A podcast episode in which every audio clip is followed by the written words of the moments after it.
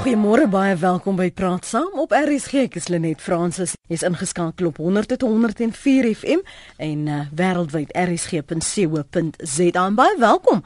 Indien dit nou die heel eerste keer is wat jy op hierdie stasie beland, ons is uh, altyd aangenaam verras as ons terugvoer kry van nuwe stemme, veral as dit die eerste keer ook is as jy inskakel en bel na die program. Nou so wat 3 dae gelede, seker maar 4, het die ANC jeugliga die jong Turke gesê, die jong Lius vergewe my, gesê hulle dink dat die Suid-Afrikaanse Kommunistiese Party die swak skakel van die drie party alliansie is. Trouwens dat hulle geen waarde na die party bring nie en dat dit tyd is om die naalstring te knip. Ons vra vanoggend of kommunisme werklik 'n bedreiging vir Suid-Afrika se demokrasie inhou. Kom ek stel jou voor aan ons gaste. Ons hooplik gaan ons ons laaste gas in later vanoggend nog wel opspoor. Maar ons praat heel eerstens vanoggend met professor Dirk Coetzee, hy's hoof van die departement politieke wetenskap aan Unisa. Môre professor, professor, dankie. Goeiemôre Lenet. Ek wil ek begin nou vir jou jou jou mening vra. Ek wil net graag vir ons met ons luisteraars deel uh, wat uh, een van ons uh, vorige gaste gesê het by 'n vorige geleentheid toe ons gesels het. Uh, ons het gepraat met uh, Dawie Rood en ons het gepraat met uh, Dave Stewart. Nou jy sal onthou Dave Stewart is by die um, Evie de Klerk Stichting uh, en Dawie is 'n ekonom en hulle het gepraat oor hoe leiers met 'n kommunistiese agtergrond besig is om die regering oor te neem. Kom ons hoor wat het hulle te sê gehad. Eintlik aan die wortel van baie van die probleme wat ons nou bespreek is die feit dat die die regering gelei word deur ideologie wat heeltemal onvanpas is. Soos die die feit dat die meeste van ons ekonomiese ministeries en portefeuilles is nou in die hande van die Suid-Afrikaanse Kommunistiese Party. En hulle stuur ekonomiese beleid in 'n rampspoedige uh, direksie. So dit is uh, myns en sins deel van die probleem. Ek dink een van die probleme is ook uh, en dit is die kommunistiese invloed in die Suid-Afrikaanse regering. So wat 40% van ons kabinetslede is kommuniste of hulle noem hulle self kommuniste want hulle verstaan eintlik nie eens hulle eie ideologie nie. En dit is jou ek kan vir baie voorbeelde noem hoekom ek so sê. Maar wat interessant is half op die ideologiese vlak is dat hulle is nie werklik hulle is nie marxiste nie, maar hulle is eintlik leniniste en Lenin het geglo jy moet alles sentraliseer, jy moet al die mag sentraliseer en jy moet 'n beheer neem van alles. En en op en as jy dan beheer geneem het oor alles was die teorie dat jy uiteindelik oor tyd weer gaan teruggee dit aan die mense wat natuurlik in die praktyk nooit gebeur nie. So at, eh, ons kommuniste is nie marxiste nie, hulle is leniniste en dit is hoekom hulle oral probeer om alles te beheer. En dit het ons genoop om 'n gesprek dan te hê oor kommunisme en ons het die Suid-Afrikaanse Kommunistiese Party genooi. Ons gesels met Alex Mashilo. Hy is die nasionale woordvoerder van die Suid-Afrikaanse Kommunistiese Party. Good morning Alex and welcome to Praat Saam. Thank you very much. Good morning to you and to uh, our listeners. I, um, I don't know whether you were able to follow the comments of two of our guests earlier on, um, who we recorded, and they are of the opinion that the communists within the party and within various departments within government don't really understand their ideology, firstly, and secondly, that they are too involved in influencing economic policy and that we're heading for absolute disaster. Your comment. I did, yeah, I did follow that. I did follow that. And uh, look, uh, I don't know what they mean when they say communists in the party and uh, in various government departments and elsewhere in society do not understand the ideology of Marxism-Leninism, but that then they influence economic policy resulting in us uh, heading for a disaster. I don't understand what they mean. I don't understand whether they themselves do understand the historical mission of the Communist Party, its ideology, and its programs. You see, uh, let's start here. Firstly, let's dismiss the idea that uh, you know we are influencing economic policy and we are heading for disaster. If we are influencing economic policy, there will be different things done compared to those that are presently being done. Presently, the SACP South African Communist Party, is itself concerned about certain aspects of our economic policy, which it is strongly opposed to. How could then uh, the very same aspects of our economic policy, which the party is strongly opposed to, be said to be coming from the party itself. That is complete uh, nonsense. Secondly, uh, of course, there are things in our economic policy which we support. For example, the workers in this country do not have a minimum wage. They are paid differently in different sectors. If you stop a train that is taking workers to work and ask them how much each one of them is earning and whether or not the money that they get paid in wages is sufficient for them to buy their own houses, look after the education of their children, the health of their children, and other important aspects of family care you will discover that in fact what the workers are paid is completely nothing. But if you go to the Johannesburg Stock Exchange to ask the capitalists who control the stock exchange whether with the money that they are making in profits, they have uh, houses, they have, ev- you will find that they have everything. And in fact, they even have a surplus of money doing nothing, not being reinvested in the economy. They are not staying in shacks as opposed to workers who stay in shacks. Therefore, you have got inequality, which has got to be addressed. That's where we move from. That's where we come from. And that is where we are going to. Speaking of where you're going to, the, the ANC Youth League suggests that you are currently the weakest link within the tri-party alliance. And the ANC Youth League has said that the SACP brings no value to the ANC. Do you agree with that? And what value do you actually bring to that alliance? Does the ANC still need the SACP? In the first instance, we said we will not, as the SACP, be involved in factional and childish politics. The ANC Youth League's leadership is brand new. It doesn't even have two months in office. The alliance between the ANC and the SACP is very, very old alliance. It has survived apartheid. It has survived bannings. It has survived exiles. It has consolidated unity of our people post-1990.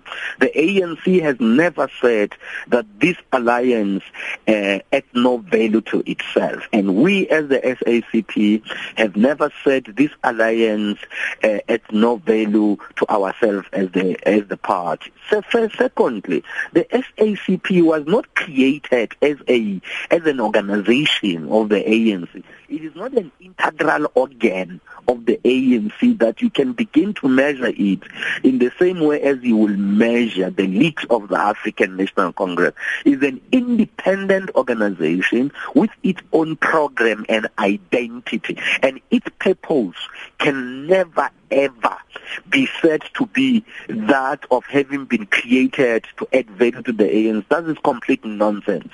Okay, we are an equal alliance partner. In the alliance, we discuss issues, we agree on terms, on how we move forward. We are not a faction in the ANC. We are not a faction that has captured a particular organization and is beginning to make childishly dangerous statements that are very, very dangerous to the alliance.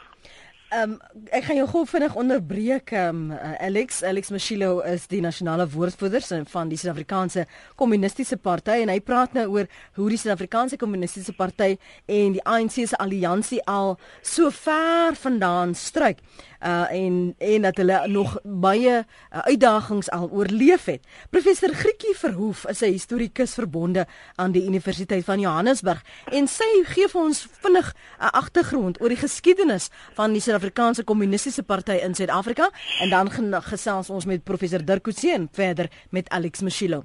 Dit is wat professor Grietjie Verhoef sê oor die SHKP in Suid-Afrika. Kyk, Suid-Afrika het ons nogal redelike immigrasie gehad van uh, immigrante uit Oos-Europa. En hulle het hier in die laat 19de eeu eintlik maar meer begin 20ste eeu daar 'n redelike groot stroom van daai Oos-Europese immigrante gekom.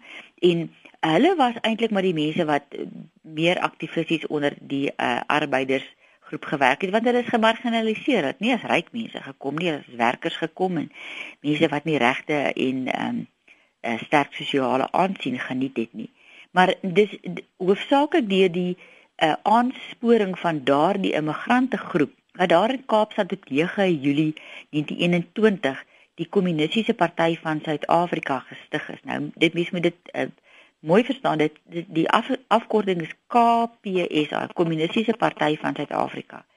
En um, die party is gestig as 'n samesmelting van die voorafgaande internasionale sosialistiese liga en 'n paar splinter sosialistiese groeperinge in Suid-Afrika. En hulle het hulle dan by daai vergadering spesifiek beywer vir die omverwerping van kapitalisme in Suid-Afrika, die ehm um, verbanning van kapitalistiese leiers en die ehm um, totstandbringing van 'n staat wat die beheer word deur die werkersklas. Nou hulle KPSA het in antisipasie in 1950 van die promulgering van die wet op die onderdrukking van kommunisme wat nou in 1950 dan inderdaad wet geword het. Maar in, in antisipasie van die promulgering van daai wet het hulle ontbind ondergronds gegaan en eers in 1953 weer gereorganiseer en geherkonstitueer. En dit is aan daardie party wat bekend gestaan as die Suid-Afrikaanse Kommunistiese Party. Dit is die SAKP soos ons hom vandag ken. Eers was dit KPSA en toe word dit na 53 SAKP en dis die SAKP wat in 1990 dan uh, ontban is. Nou die rol wat die Kommunistiese Party in Suid-Afrika gespeel het was dan maar ook om die arbeiders aan te spoor tot organisasie, tot uh, revolusie uh, hulle probeer om die sosialisme te bevorder. Hulle het hulle baie baie sterk geassosieer met die Sowjetunie deurgaans. Um, hulle het um, natuurlik hulle geassosieer met almal wat rassediskriminasie teengestaan het en dit altyd buite parlementêr opgetree.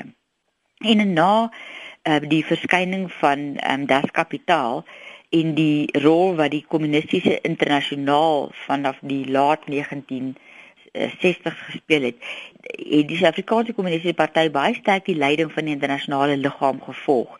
Baie van die Suid-Afrikaanse Kommunistiese Party leiers is aan ondergronds of um, onwettige maniere die land uit en het opleiding in Rusland gekry en daar gaan studeer en weer teruggesypel en weer hier probeer werk totdat hulle nou ontband is in 1990. Maar die Kommunistiese Party het altyd in Suid-Afrika ehm um, die assosiasie met arbeid gebruik om hulle oogmerke te bewerkstellig. En natuurlik nadat daar nou in 1977-78 die Ricket en Wian kommissies aan die regering aanbeveel is dat swart um, vakbonde weer toegelaat moet word om in die openbaar te organiseer. Ehm um, toe daai vakbonde nou weer die lig sien, het die kommunistiese uh, party uh, baie sterk by hulle aangesluit, hoewel hulle nog nie ontban was nie. Uh, ek lê maar net uh, uh, on nie amptelik die was dit maar dieselfde mense wat die steun aan die uh, arbeidersbeweging gegee het. En dit was die stem van professor Grietjie Verhoef, sy is historikus verbonde aan die Universiteit van Johannesburg. Sy het vir ons 'n agtergrond gegee oorsig oor die geskiedenis van die Suid-Afrikaanse Kommunistiese Party in Suid-Afrika.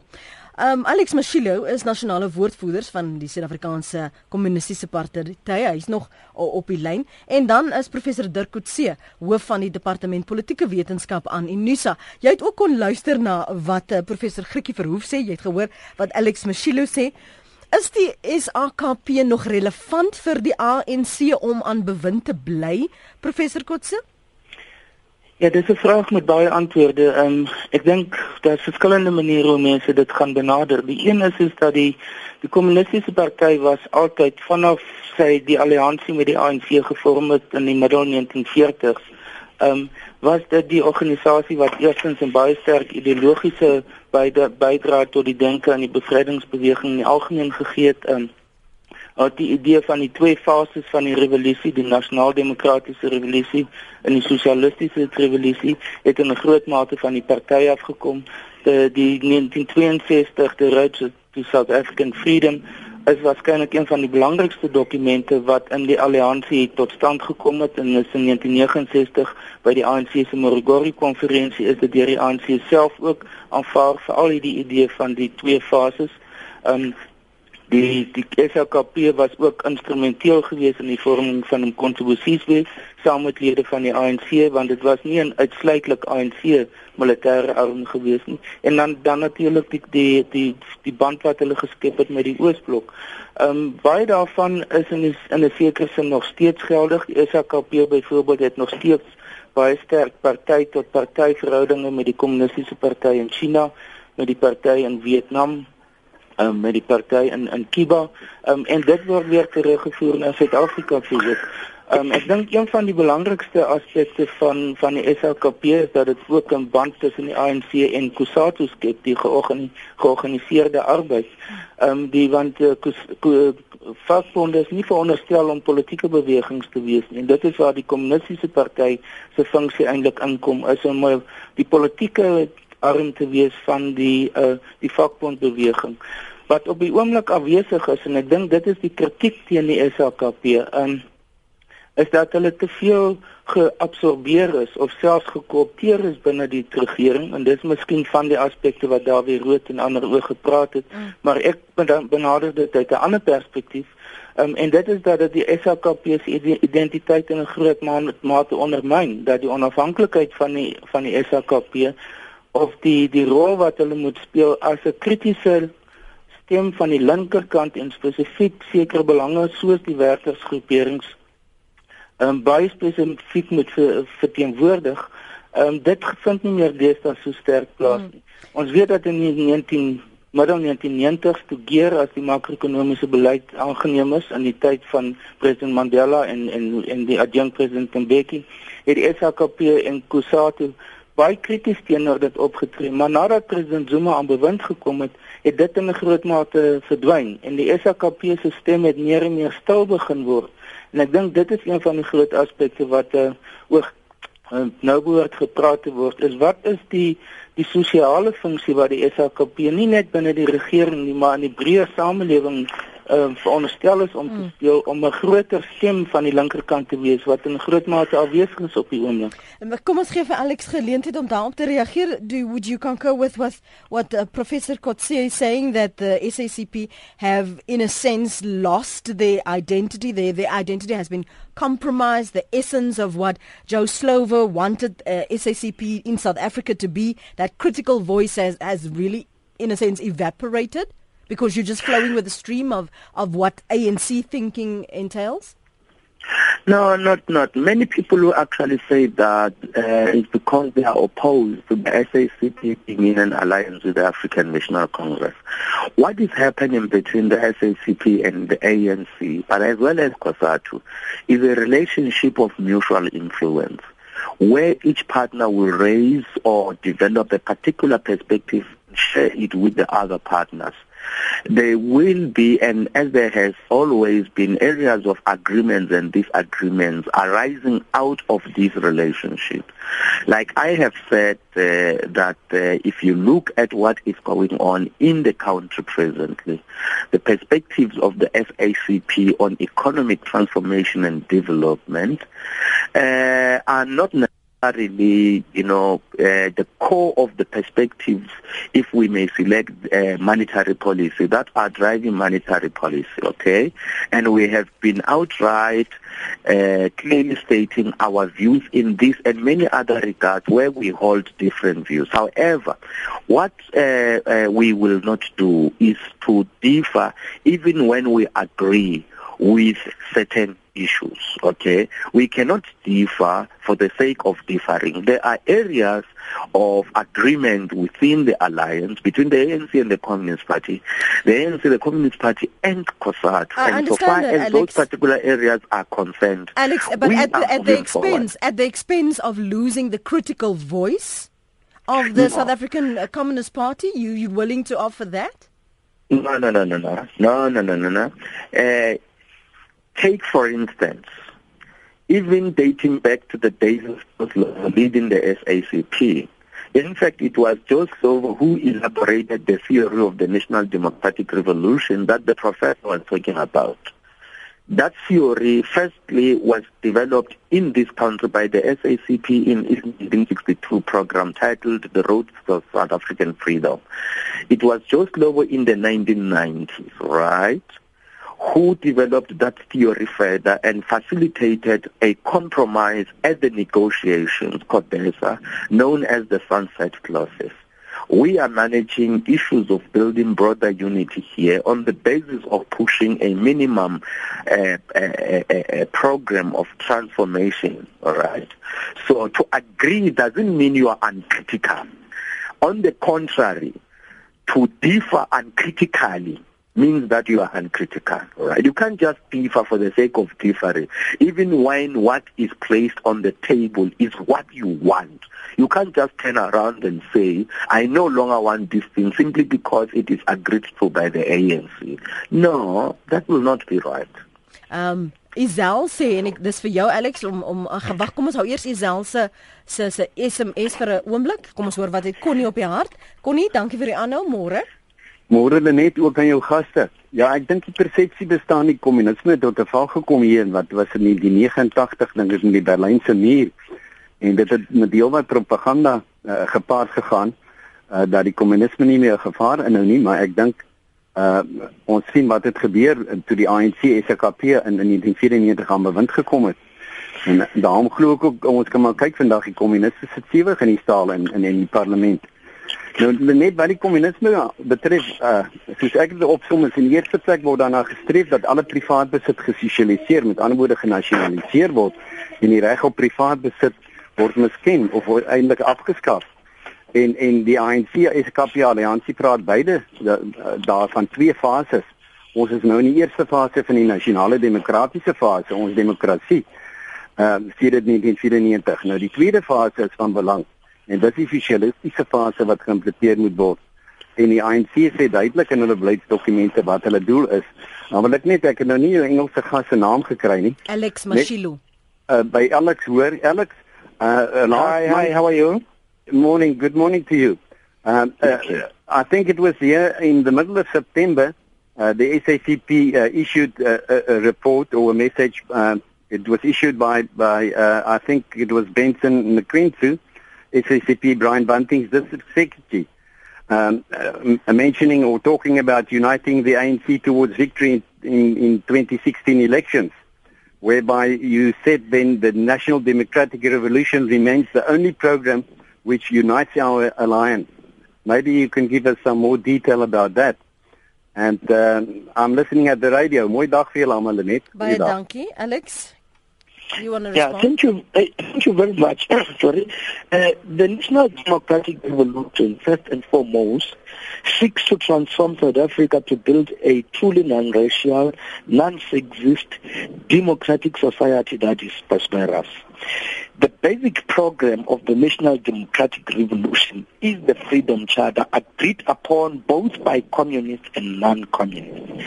It uh, contains a set of goals that must be achieved for us to end up and celebrate and say indeed we have achieved the type of society which we have been struggling for all the time.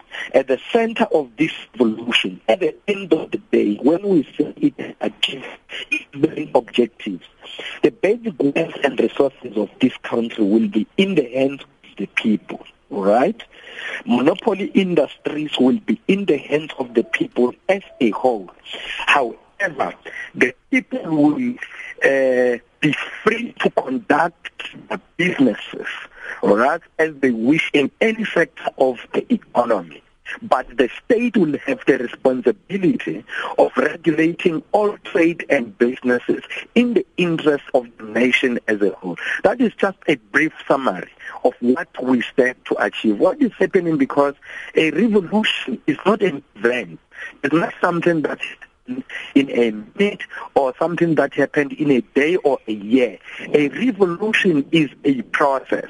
So in 1994, we have managed to achieve the most important principle one person, one vote, so that uh, uh, we, we had uh, the African National Congress elected. And for that to have happened, we said to all of us, divisions and disunity are not going to assist us.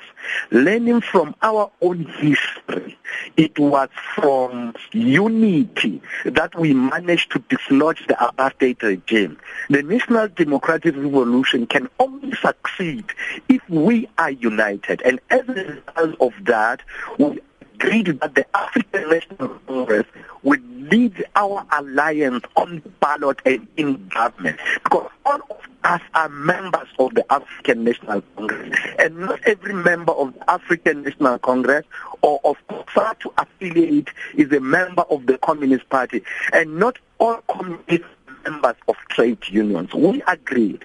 So moving forward, what we need is. In this unity, as I have said, there are areas of agreement and there are areas of disagreement. In terms of areas of disagreement, each one of our alliance partners reserves its independent identity and program to take forward its own strategic objectives because the alliance does not represent the totality of everything that each one of our organizations stands for. It only represents an action in the form of our okay. shared perspectives. Uh, Alex, thanks uh, so much for that comment and the response. Professor Durkutse, ons praat vanoggend oor of kommunisme werklik 'n uh, bedreiging vir Suid-Afrika se demokrasie inhou.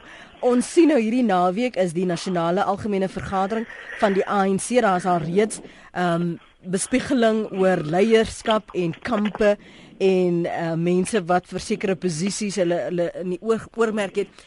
Ek wil vir jou spesifiek vra, het die ANC nog die SHKP nodig in Suid-Afrika?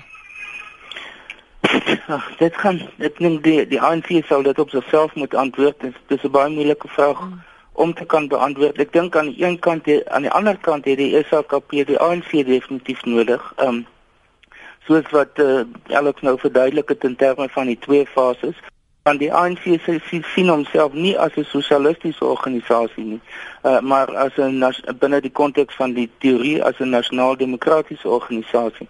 So die die sosialistiese dimensie of die fase moet bou op die van die nasionaal-demokratiese. Um, in daardie sin en dis hoekom ek sê dit is moeilik om presiese verduideliking te of 'n antwoord te gee, het die SAKP die basis van die nasionaal-demokratiese samelewing nodig um, om uiteindelik 'n sosialistiese bedeling te kan propageer en uiteindelik te kan vestig. Die ANC het natuurlik nie daardie nasionalistiese uh, sosialistiese basis of dis uh, dispensasie nodig vir om sy eie program en wat veral histories op die Freedom Charter gebaseer is nie. As jy mens kyk na die die ANC in terme van direkte partytetiek, die politiek van verkiesings, dan speel die SAKP, die SAKP eerstens is 'n is, is 'n relatief klein organisasie al op die oomblik um, uh, na die nasionale spesiale nasionale konferensie in Julie verjaar het hy gesê het hy net oor die 200 000 lede teenoor meer as 'n miljoen lede wat die ANC het.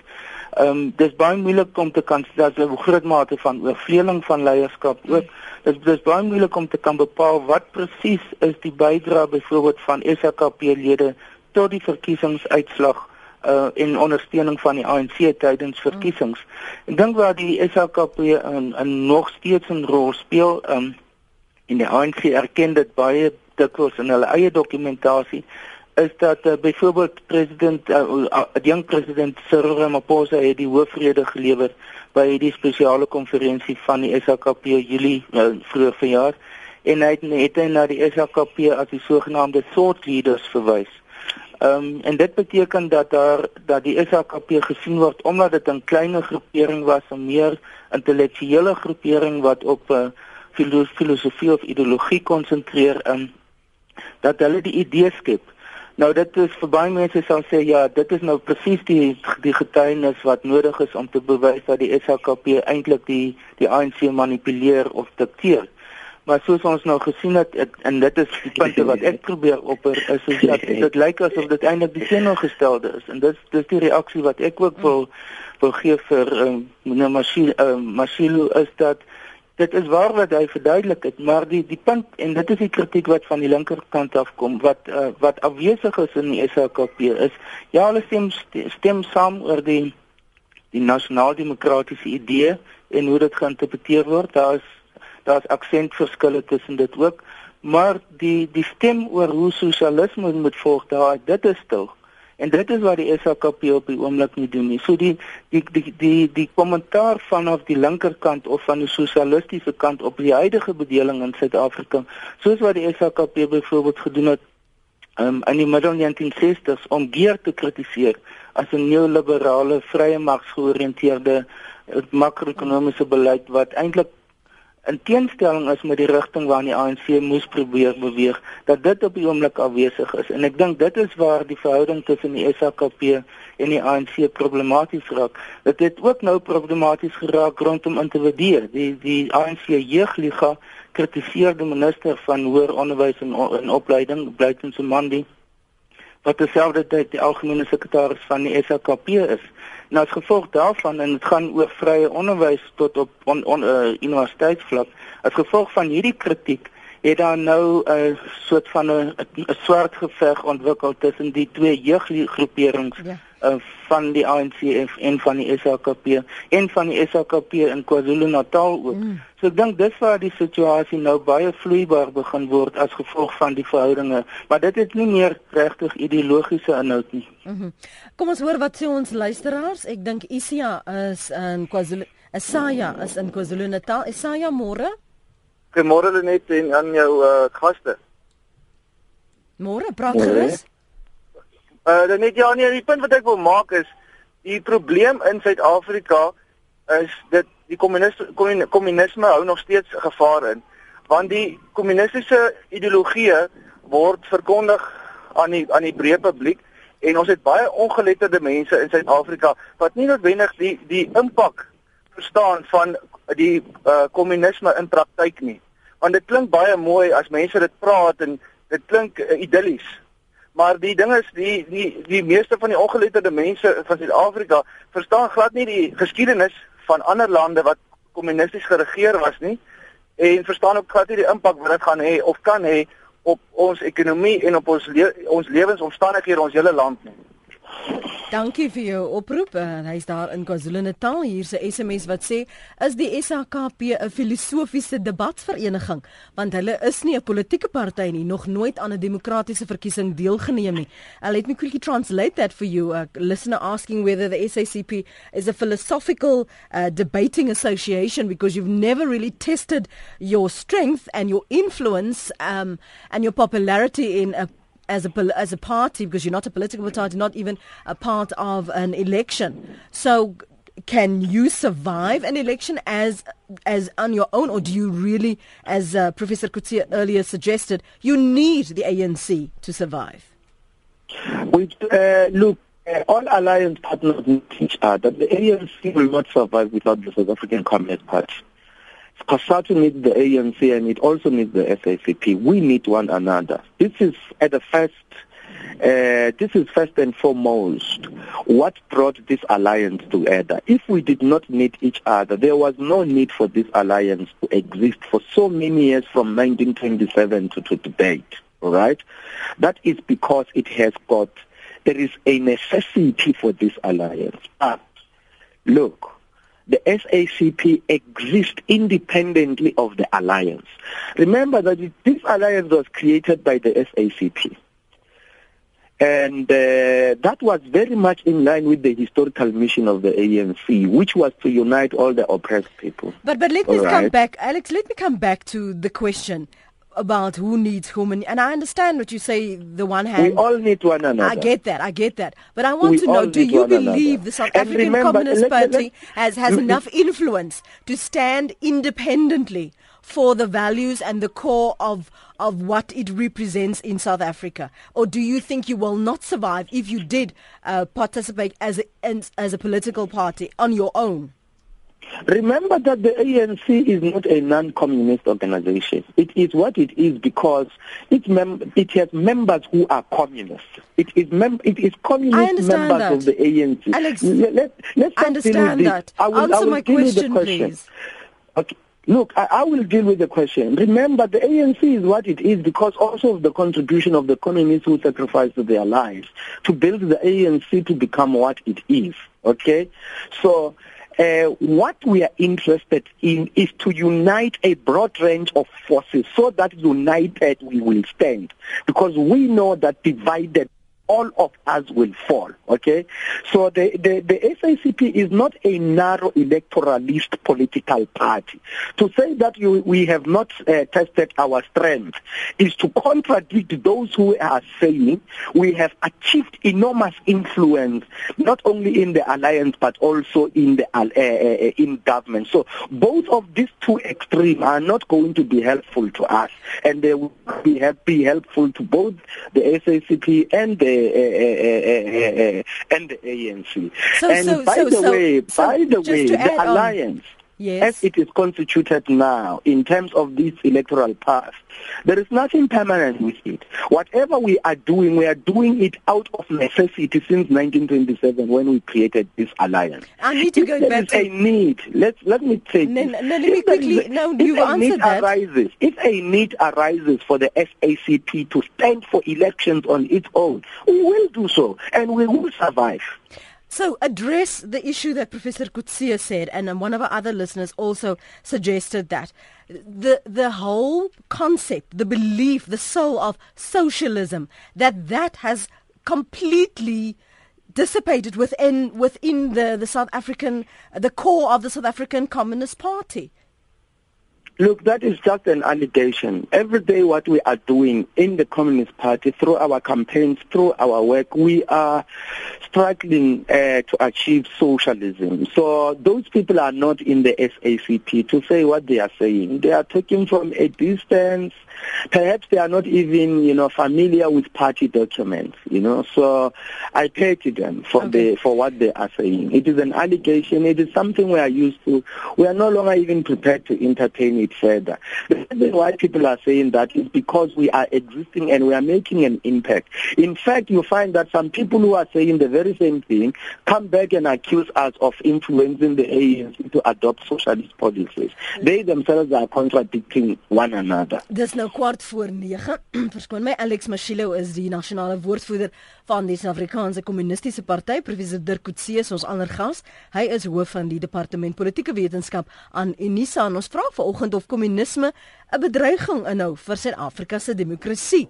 Um Isel skryf hier, I find it very ironic that the leaders of the SACP drive around in luxury cars, wear expensive suits, drink expensive whiskey, all the trappings of capitalism.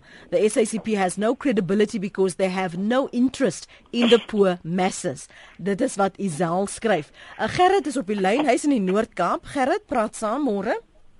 Môre moet ek Engels of Afrikaans vra? Nee, praat jy Afrikaans jong? so, um, there isn't a bigger hypocrite than a communist. Um, if we look back, uh, sinds teruggaan na die geskiedenis, um, toe die Bolshevike teen die Tsar in opstand gekom het, het die kommunisme, kommuniste maar net gestaan en wag en oorgeneem. Daarna het die diktatuur gevolg, wat die politieke teenstanders uit die weg uitgeruim het. Dan het jy ook gekom met jou mooi 5 jaar planne waarmee ons tans besig is sodat ehm um, 'n eenpartytstaat uh, tot stand kan kom sodat die minderheid die ongeletterde massas kan misbruik. Die ongeletterde massas val daarvoor want hierdie land van melk en honing word hulle voorgehou want hierdie klein elite ry nou in hulle uh ehm um, snaaks genoeg, ironies genoeg, uh, fasistiese motors rond. So if we look back at East Germany, Romania, Cuba, these people didn't hulle hulle het nie, hulle het nie gemaak nie, hulle het die kapitalisme nodig gehad. En uh, hulle hulle wapen is om die hele tyd uh, skuldgevoel te kweek. So ja, die ANC met sy uh, amper sê dom populistiese treit het maar die uh, kommuniste nodig om te oorleef en andersom.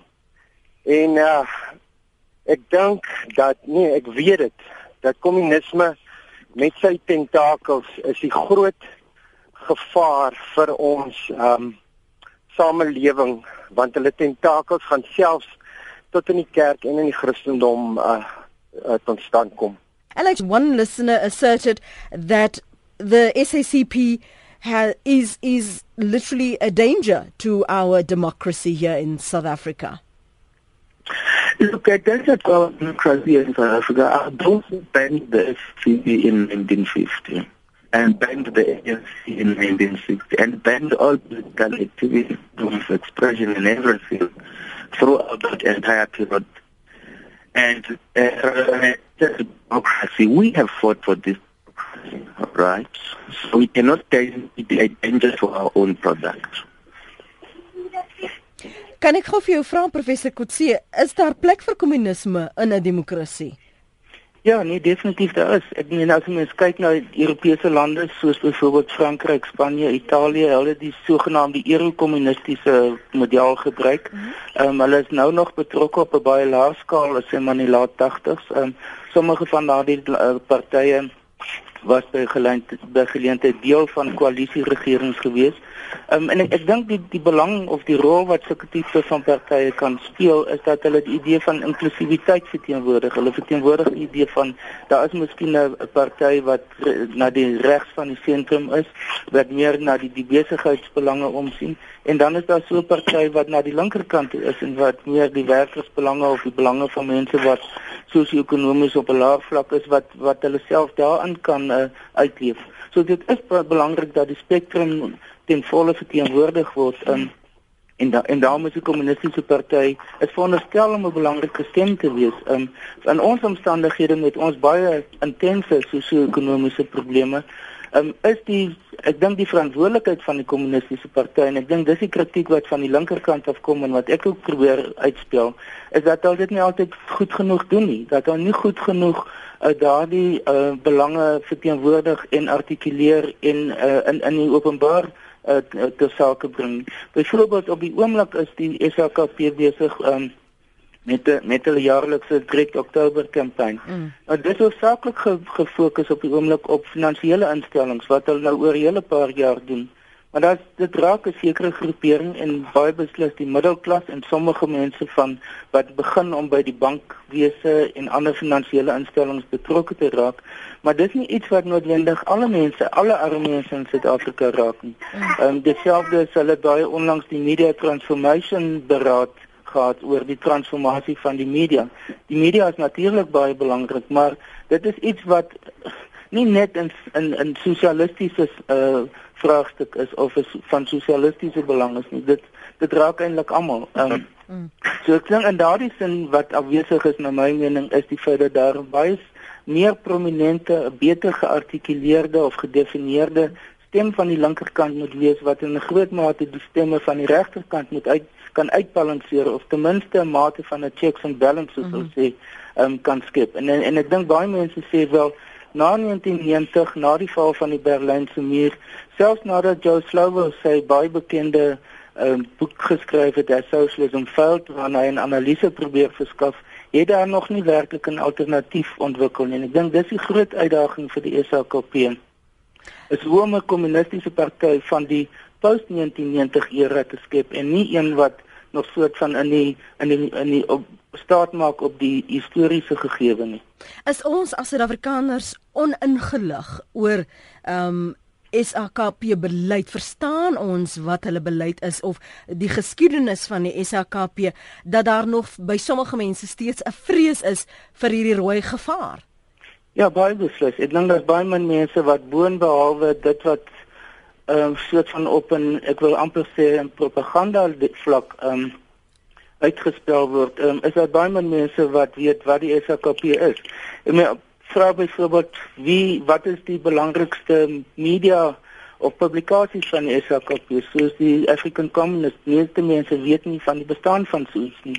Meeste, meeste mense sal nie weet van die, die SAKP se eie program nie. Dis wat hulle noem die South African Road to Socialism wat by die laaste twee konferensies as sy beleidsdokument of as sy beleidsraamwerk aanvaar en aangewerk is nie. So ek ek dink voordat mense meer kommentaar lewer um, en probeer idees ontwikkel oor die potensiële gevaar van die SAKP of kommunisme of sosialisme moet moet die meeste mense beter ingelig wees want wat wat ook nodig is om te weet is dat daar se linkerkant links van die SAKP wat baie meer radikaal is né um, en hulle is die wat die SAKP kritiseer die meeste kritiek kom eintlik van die linkerkant af Um, en dit moet die mense ook weet, byvoorbeeld die uh, Workers and Socialist Party of South Africa. Mm. Uh, die groeperings wat nou rondom Nomsa aan ontwikkel is. Ehm um, die die trotskyistiese groepe, die uh, non-unity movement uh of the unit unity movement wat vroeër die non-European unity movement genoem is. En daar's 'n hele tradisie wat baie mense baie mense net heeltemal onbewus van is. Mm. Alex, the way forward for the South African Communist Party, we now have the National General Conference of the ANC. There's a lot of debate about uh, the next uh, succession debate is happening, and there's people forging new camps. But within the SACP, how do you see your way forward?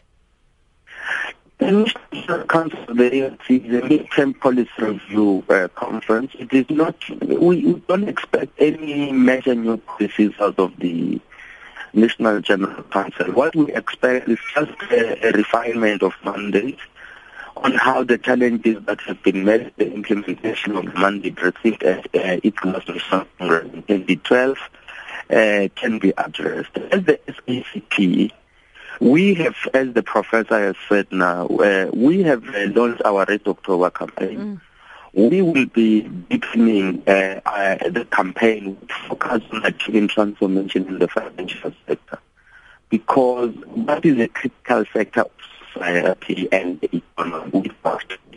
That sector of the economy. It is going to be very difficult for us to achieve transformation and development in other sectors of the economy. Just they also touched on our other campaign on the transformation of the media. I mean, if you arrive at the OR Tambo airport or at the Cape International Airport, the conclusion you will make after uh, reading newspapers is that South Africa only has got languages.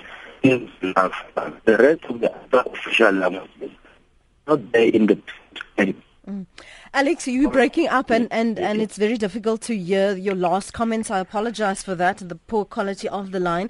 Um, I think it's because we, we have you on a mobile, but we've actually um, also have run out of time. So my apologies that I have to end the conversation. But thank you for accepting our invitation. We appreciate it. I hope it's not the last time. Thank you. Dit was Alex Mashilo, hy is die nasionale woordvoerder van die Suid-Afrikaanse Kommunistiese Party en uh, ons het ook gesels met professor Dirk Coetzee. Hy is hoof van die departement politieke wetenskap aan Unisa. Ons gaan 'n punt daarvan maak om meer hierdie tipe van debatte te hê sodat ons ingelig kan wees en nie net aannames maak nie want jy weet, dis die gevaarlikste ding om te doen.